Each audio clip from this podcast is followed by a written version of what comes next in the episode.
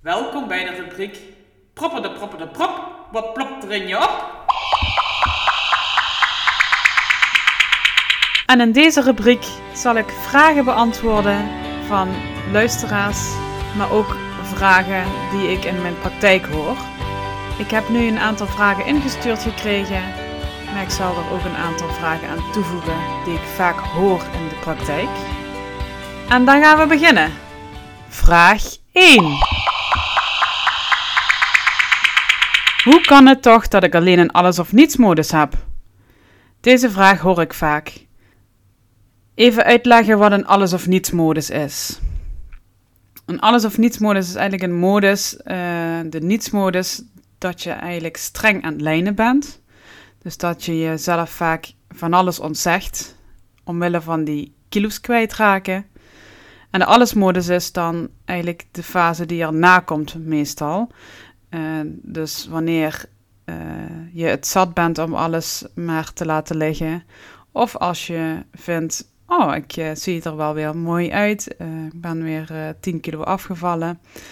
En ik kan weer wat gaan eten. En dan heb je eerst als voornemen om dat langzaam op te bouwen. Maar het lichaam zegt iets anders. Dus het wil in één keer alles pakken. Dus niet alleen uh, dat stukje fly, maar ook s'avonds een frietje. En oh, doe die uh, rolkoekjes er ook maar bij. Dus, en dan gaat ineens alles omslaan naar uh, eigenlijk alles over de boeg gooien. En nergens meer rekening mee houden. En dan kom je heel snel weer aan. En dat is eigenlijk ook weer dat uh, bekende jojo verhaal. Dus dat je heel snel dan weer bijkomt. En ja, dat is gewoon heel jammer. Want alle energie die je hebt gestoken in dat uh, dieet of dat lijnen om die kilo's eraf te krijgen, is dan eigenlijk weer voor niks, niks geweest. En dat is uh, iets waar heel veel klanten zich dan heel erg aan storen, omdat dat dan niet lukt. En zichzelf daar ook heel erg de schuld van geven en zichzelf heel erg zwak voelen. Dat is de alles of niets modus. En dat komt doordat uh, als je jezelf heel weinig toestaat, dus alles ontzegt, is eigenlijk een, een, een bal onder water. Dus uh, je duwt die bal onder water, die kun je een heel tijdje vasthouden. Maar op een gegeven moment gaat hij uh, tegen je hand drukken en dan wil hij naar boven. Dan wil hij weer naar boven ploppen, boven het water. En dat gebeurt er dus uh, als je een tijdje uh, je dingen ontzegt en jezelf niks meer gunt. En dan uh, plopt die bal omhoog en dan sla je vaak door, want die bal die komt dan met een behoorlijke kracht omhoog. En je slaat door naar de andere kant en dat is dan de allesmodus. En dan ga je eigenlijk alles over de boeg gooien en dan nergens meer rekening mee houden. En ja, dat tussenin is dan heel lastig voor mensen. En dat komt door uh, dat het dan eigenlijk te streng is in de nietsmodus. Waardoor dat, dat uh, brein eigenlijk zo getriggerd wordt dat je ja, gaat doorslaan naar de andere kant. Plus dat de oorzaak niet wordt aangepakt. Maar daar vertel ik dadelijk wat meer over. Dan gaan we naar vraag 2. Hoe kan het dat geen enkel dieet werkt? Ik val elke keer weer terug. Dit heeft ook wel een beetje te maken met die alles of niets modus, dus die bal onder water wat ik vertelde. Maar een tweede is dat de oorzaak vaak niet aan wordt gepakt. Als we weer even die ijsberg pakken, het topje van de ijsberg, die zie je en dat is het gedrag. Dus het gedrag dat wil zeggen dus wat je eet, wat doe je tijdens het eten? Dat is gedrag. Maar dat wat eronder zit, dus onder die ijsberg, dat is de overtuigingen die jij jezelf hebt opgelegd, maar ook de strategieën die je bedacht hebt. Die zitten allemaal onder dat water, onder die ijsberg. En zolang je die oorzaken niet aanpakt, blijven die overtuigingen evengoed onder dat water en die gaan de boel dan eigenlijk een beetje saboteren. Waardoor jij dat niet onder controle krijgt. Want dat gedrag kun je wel aanpassen en dat, ja, dat lukt meestal ook wel voor een paar weken. Maar dan komt die overtuiging dat wat jij echt wil, komt naar boven.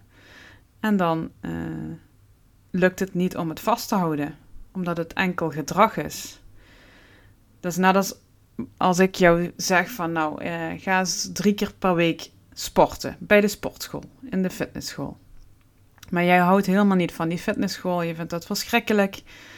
Maar je denkt, nou ja, als ik daarvan afval en als, het dat, als dat helpt, dan ga ik dat wel drie keer in de week proberen. Dat lukt me wel.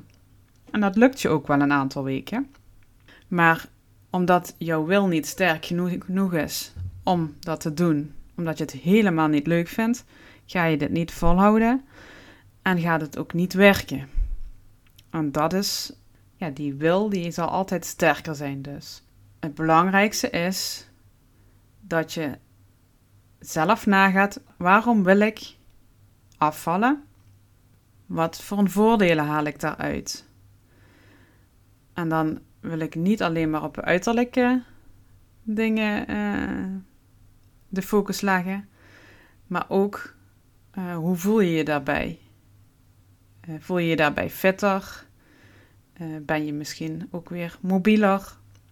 Zo'n dingen zijn ook heel belangrijk om mee te nemen in hoe hoe wil jij je voelen als je gaat afvallen, gezond gaat eten. Dus dat is waarom vaak een dieet niet werkt als je de oorzaak niet aanpakt. Want de oorzaak is vaak een overtuiging of zelfs een emotie, waardoor je dus emoties gaat wegeten. Dat kan dus inderdaad een pak koekjes zijn of een zak chips. En dan voel je echt die drang van, nou, ik moet iets eten. En dat is vaak als er een emotie aan vooraf gaat. En misschien weet je dat op dat moment niet, maar dat komt omdat je die emotie gewoon weg, weg eet. Dus die emotie voel je dan ook niet heel goed. Je voelt iets opkomen en je denkt, oh, ik heb zin in suiker. Maar dan ga je dus al eten en is die emotie eigenlijk alweer weg. Um, dus dan ga je hem echt letterlijk wegeten. En dat heet weer emotie eten. We gaan naar vraag 3. Hoe komt het dat ik laat in de middag steeds een energiedip krijg? Ik kan je zeggen dat dat heel veel verschillende redenen kan hebben. Dus ik ga een aantal redenen uh, vertellen. Eén kan het zo zijn dat je door de dag heen te weinig eet. Dus dat wil zeggen dat je misschien meer dan vier uur achter elkaar niks eet op een dag overdag. Daar heb ik niet over s'nachts natuurlijk, maar overdag. En dan kun je inderdaad een dip krijgen van je bloedsuiker is te laag. En dan gaat jouw lichaam een seintje geven van: Hallo, ik ben er ook nog. Ik, uh, ik heb brandstof nodig. En dan krijg je dus een energiedip, omdat jij dus die uh, heel laag in brandstof zit. Dus dat is één punt. Het tweede punt is uh, te veel suikerrijk eten eten. En dan doe ik dus op uh, bijvoorbeeld een fruitcake of een sultana of een gebakje of een koekje. En dan gaat het lichaam um, door dat suikerrijke tussendoortje gaat het insuline aanmaken. Best veel insuline, omdat het dan toch een behoorlijke suikerstoot krijgt. En dan denkt het, oh, ik moet heel snel die bloedsuiker omlaag krijgen. En doordat het heel veel insuline aanmaakt, gaat die bloedsuiker dus snel omlaag. Maar het lichaam heeft dan vaak net iets te veel aangemaakt, omdat het het heel snel wilt reguleren, omdat het eigenlijk die boost heel erg krijgt. En dan schiet het vaak omlaag. Dus dan kom je echt in een dal terecht. En dan krijg je dus echt weer een bloedsuikerdip, waardoor je weer neigt naar een suiker, omdat je dan echt je weer slap gaat voelen dat je iets moet hebben. Dus dan krijg je weer een dip. Dus het kan ook zijn dat je te suikerrijke uh, tussendoortjes neemt. En ik noemde dus bewust fruitcake en sultana, want dat zijn tussendoortjes uh, waarvan mensen soms denken dat het uh, een heel gezond tussendoortje is. Maar er zitten ontzettend veel suikers in. En ook weinig vezels of eiwitten die de boel stabiliseren. Uh, dit kan ook gelden voor bijvoorbeeld alleen een stuk fruit te eten. Bijvoorbeeld een, alleen een appel eten. Appel is een gezond voedingsproduct natuurlijk. Niks op tegen. Maar als je die alleen eet, kan het echt zijn dat je daarvan een dip krijgt. Dus als je die samen met eiwitten pakt, dus iets van yoghurt, kwark, een eitje, een lapje kipfilet of wat groente, dan stabiliseert die bloedsuiker daarmee ook. En dan krijg je niet die dip. Dus dat kan een reden zijn. Een derde reden kan zijn te weinig rust door de dag heen. Dus stel dat jij uh, van 7 tot 4 werkt je komt thuis om vier uur en dan uh, ben je behoorlijk uitgeblust van het werk. Uh, en je bent zo uitgeblust dat je dus echt een flinke dip krijgt.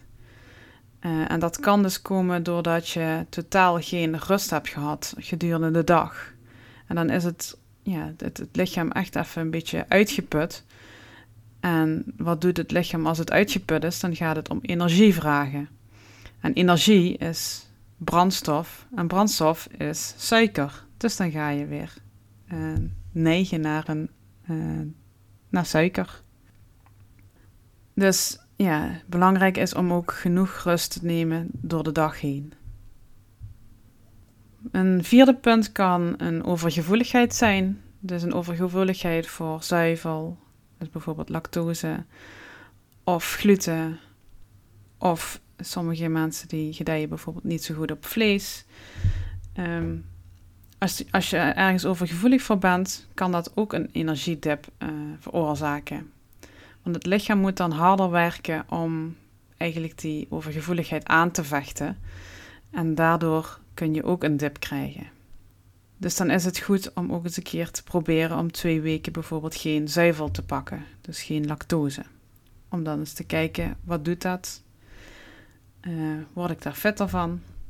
Dan kan het zijn dat het gaat om een overgevoeligheid. En punt 5 is een aminozuurtekort. En aminozuren zijn eigenlijk eiwitten die we in ons lichaam hebben. En die krijgen we zowel door voeding, krijgen we die uh, aangevuld, maar je maakt ze ook zelf aan. Maar als jij van bepaalde voedingsmiddelen te weinig binnenkrijgt, dan kan het zijn dat je een aminozuur tekort krijgt. Uh, en dan uh, kan dat ook weer voor een dip zorgen. En dan door uh, aminozuren weer toe te gaan voegen, kan het zijn dat je je ook weer beter gaat voelen. Bij alle situaties wat ik genoemd heb, is het in ieder geval dat het lichaam vraagt om energie, dus om benzine, waardoor je dus vaak neigt naar meer suikerrijke dingen. En dan kom je vaak een beetje in een spiraal terecht. Dan gaan we naar vraag 4. Wat zijn dan die bloedsuikerstabiliserende tussendoortjes? Ja, ik heb het al eerder gehad over die bloedsuiker, dat het belangrijk is om die stabiel te houden. En um, door die stabiel te houden, uh, ja, voorkom je een uh, honger of een craving gevoel. En hoe stabiliseer je die nu met uh, goede tussendoortjes? Belangrijk is om ook de etiket een keer om te draaien, dus de producten een keer om te draaien en dan te kijken naar de voedingswaarden, dus de koolhydraten, eiwitten en voedingsvezels vooral. En dan moeten de voedingsvezels en de eiwitten zo hoog mogelijk zitten en de koolhydraten bij voorkeur onder de 17 gram per uh, eetmoment zodat je niet te veel koolhydraten binnenkrijgt en meer eiwitten en vezels. Dus ga ze maar eens met elkaar vergelijken. Welke zitten de meeste vezels en eiwitten in en welke de minste koolhydraten. Dat is dan een uh, betere keuze qua tussendoortje voor de bloedsuiker. Vers blijft altijd uh, de voorkeur hebben, want daar zitten geen toevoegingen aan. Uh, dat snapt het lichaam het beste. Um, dus bijvoorbeeld fruit in combinatie met yoghurt of een eitje of kipfilet. Dat, dat kan allemaal goed. Dus probeer ook die combinaties te maken, want fruit is natuurlijk ook koolhydraten. En als je die dan combineert met iets van nootjes, yoghurt, iets van vleeswaren of iets van groenten, dan hou je die bloedsuiker stabiel. Bakken is ook een hele mooie. Dus koolhydraatarm recept bakken met bijvoorbeeld fruit of met noten, amandelmeel. daar zijn allemaal variaties in te vinden. Als je op Google dat zoekt, dan kom je echt op heel veel recepten uit. Dus ga eens gewoon lekker proberen. Wat ik zelf altijd doe, is gewoon um, een hele cake bijvoorbeeld bakken, van fruitcake of een notencake. En dan vries ik die met porties in van twee plakjes.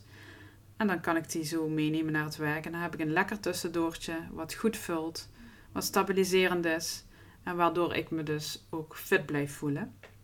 Tussendoortjes als nootjes of babybelkaasjes.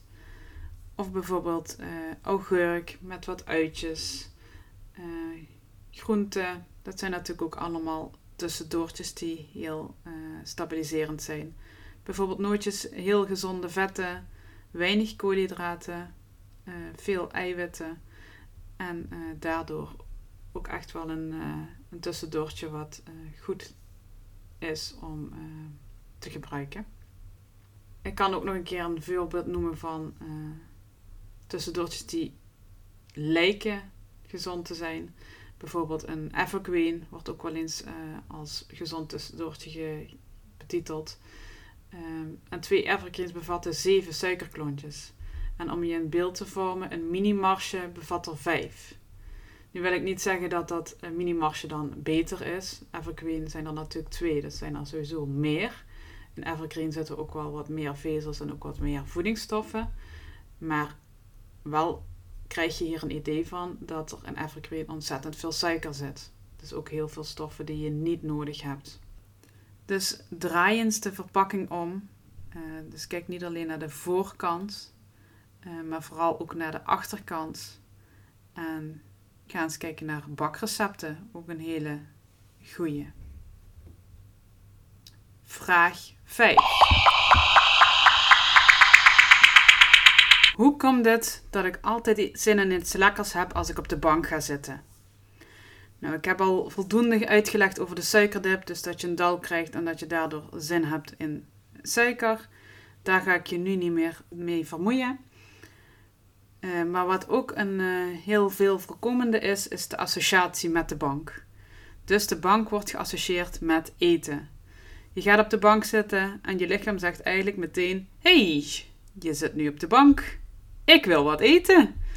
Dus die associatie is er dan gewoon bank en eten. Dus het is eigenlijk een gewoonte geworden. En dan kom ik heel even terug op de vorige aflevering van mij. Als iets een, gewoonte is, daar kun je dus vanaf komen door een zijpad te gaan kiezen. Olifanten uh, kiezen altijd hetzelfde pad, lopen achter elkaar. Dat is dan een gebaand pad. Maar als je, als je een zijpad gaat nemen en je doet dat steeds vaker, dan wordt dat ook een gebaand pad. En in het begin zal dat nog wat moeilijk zijn. En dat komt omdat dat pad dan nog helemaal niet zo mooi uh, gebaand is. Maar hoe vaker dat je dat pad pakt, uh, hoe gebaander dat wordt en hoe beter begaanbaar. Waardoor dat dat weer een gewoonte kan worden. Dus dat is de bank en eten. Vraag 6. Soms heb ik zo'n onbedwingbare trek in iets zoets. Dan moet ik echt iets nemen. Hoe komt dat?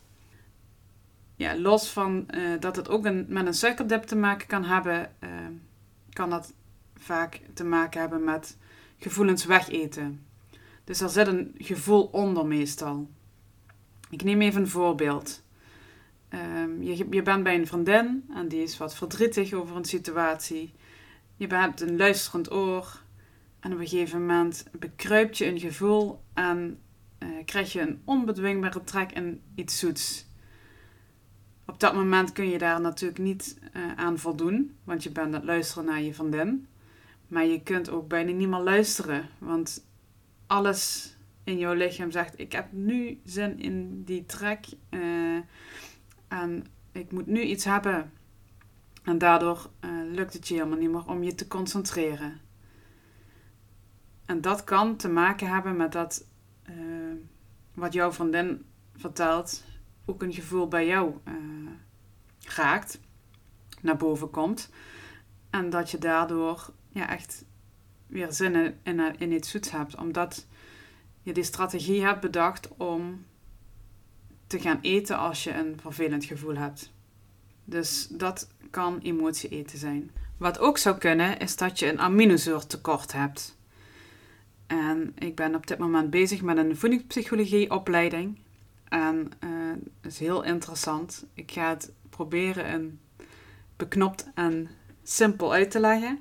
Uh, maar we hebben neurotransmitters in ons lichaam nodig.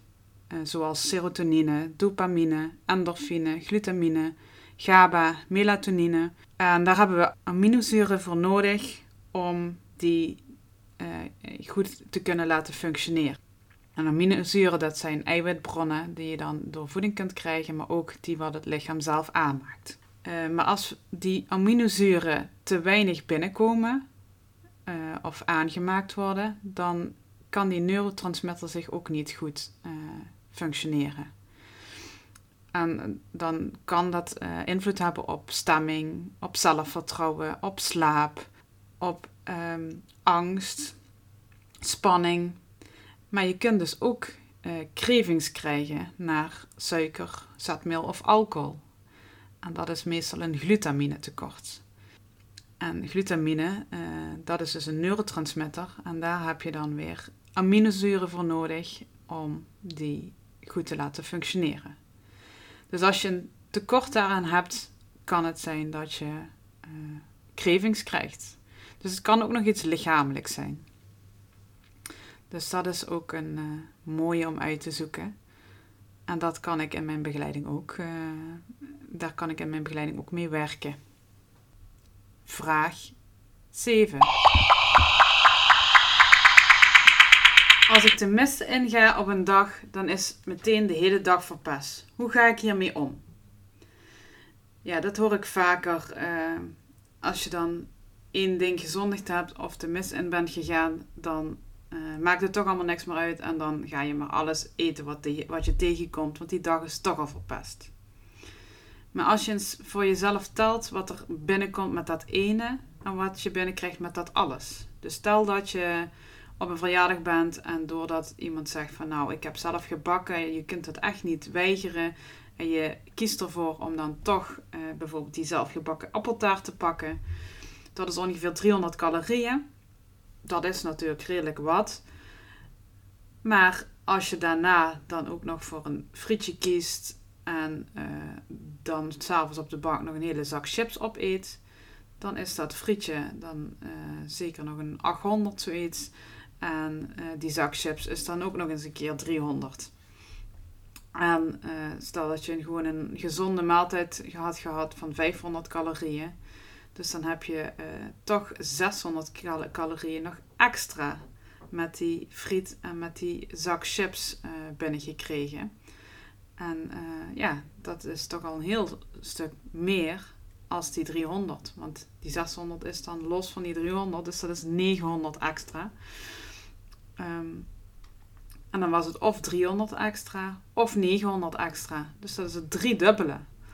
Dus dat maakt echt wel uit of je maar één ding pakt, of dat je ineens alles uh, laat, laat misgaan eigenlijk. En dan eigenlijk aan jou de vraag: was het dan echt helemaal verpest? Vraag 8. Hoe komt het dat ik de dag nadat ik gezondigd heb trek blijf houden? Ja, ook dat heeft te maken met de bloedsuikerspiegel. Uh, je maakt dan die insuline extra aan omdat je meer suikers hebt binnengekregen. En dan gaat je lichaam dus eigenlijk weer overcompenseren, gaat net wat te veel insuline aanmaken. Je schiet in een dal en daar, uh, ja, dat duurt even voordat die uh, bloedsuiker dan weer mooi stabiel is. En daar heb je vaak de dag aan na dus ook nog last van. Dus eigenlijk komt dat gewoon omdat jouw bloedsuiker dan nog niet helemaal in orde is en daardoor ook blijft vragen om suiker. Dat is eigenlijk een beetje te vergelijken met cocaïne, zeg ik dan altijd.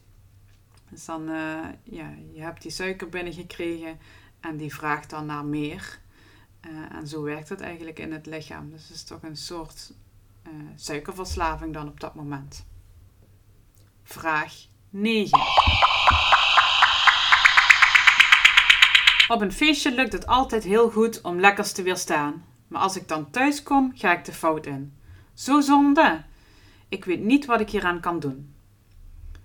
Waarschijnlijk zeg je op een feestje heel vaak tegen jezelf: Ik mag dat niet. Dat moet ik niet doen. En dat de hele da dag en avond door. Dit stapelt dan op tot een gevoel van ja, frustratie, uh, machteloosheid. Um, vaak is het ook een gevoel van waarom ik niet en die ander wel. Um, dus oneerlijkheid. En het gevolg is dan eten. En dat komt doordat je dat gevoel niet prettig vindt en je dat eigenlijk weer gaat wegeten. En dat heeft ook wel een beetje te maken met dat streng lijnen. Dus als je je constant iets ontzegt, dan krijg je op een gegeven moment zo'n trigger om het wel te doen, dat je eigenlijk doorslaat. Dus het beste kun je dan eigenlijk op zo'n feestje iets kiezen wat je echt lekker vindt, wat je echt een 10 geeft. En daar ga je van genieten. Dat mag je van jezelf. Dat mag je ook 100% van jezelf. Dus ook niet een stammetje in je achterhoofd van, ja, is het wel goed? Maar je gaat er helemaal voor en daar geniet je gewoon lekker van. En vaak is dat gevoel dan echt vele malen minder als je thuis komt. Vraag 10. En dat is ook meteen de laatste vraag van vandaag. Ik merk dat ik terugval in een negatieve spiraal. Wat kan ik daaraan doen? Ja, wat een belangrijke is uh, om jezelf eigenlijk de vraag te stellen: waarom wil ik gezond eten? Waarom wil ik afvallen? Ehm, en maak dat eens in kaart. Waarom wil je zo graag gezond eten? En probeer dan niet alleen de uiterlijke uh, dingen mee te nemen, dus jouw figuur, hoe je eruit ziet, maar ook hoe voel je je? Hoe voel je je met gezond eten en hoe voel je je met ongezond eten? En wat een hele mooie is, en die heb ik uit Master Your Mindset van Michael Polacci, uh, maakt de noodzaak hoger. Dus uh, ik neem even een voorbeeld, ook uit hem, zijn luisterboek. Um, stel dat er brand is uh, in je huis, dan ga je natuurlijk zo snel mogelijk actie ondernemen. Je gaat niet stil op je stoel blijven zitten en wachten tot het huis afgebrand is. Nee, je gaat uh, spullen uh, in je huis zoeken die misschien nog uh, wel veilig stellen. En je rent heel snel het huis uit. Of je gaat blussen. Het maakt niet uit. Ehm, maar er is meteen actie. De noodzaak is heel hoog dan op dat moment. En als die noodzaak om gezond te eten ook hoger is, dan is die motivatie ook goed. En ga je daar ook sneller eh, doen. Dus als jij het belangrijk vindt om je fit en energie te, energiek te voelen, dat je het belangrijk vindt dat je smiddags ook nog productief bent, of dat je nog uh, met je kinderen kunt uh, ravotten en dergelijke s'avonds, dan is dat uh, ja, noodzaak. Maar wat ook een hele mooie is, denk eens aan je gezondheid. Hoe gaat het met je gezondheid als je ongezond blijft eten? Krijg je misschien diabetes? Of krijg je door overgewicht misschien opneu of gewrichtsklachten? Of wat dan ook. Ja, dan eh, kan de noodzaak ook hoger zijn om toch te gaan afvallen en gezond te gaan eten. Maak er bijvoorbeeld ook eens een keer een collage van. Dus waar, wil je naartoe? Waar, wat wil je bereiken met dat gezonde eten? En waarom wil je dat gezonde eten? Maak het in kaart. Heel belangrijk. Bedankt voor het luisteren naar de rubriek Propper de Prop, wat popt er in je op? Ik heb natuurlijk wat vragen aangetipt nu. Eh, in mijn volgende aflevering zal ik in sommige onderwerpen nog verder op ingaan. Maar heb je bijvoorbeeld nog vragen over voeding? Stuur me dan een mailtje. Ik heb namelijk ook een webinar etiketlezen online staan die je zou kunnen volgen. Schroom niet, vraag het gewoon even en mail me naar info.voedingscoachmike.nl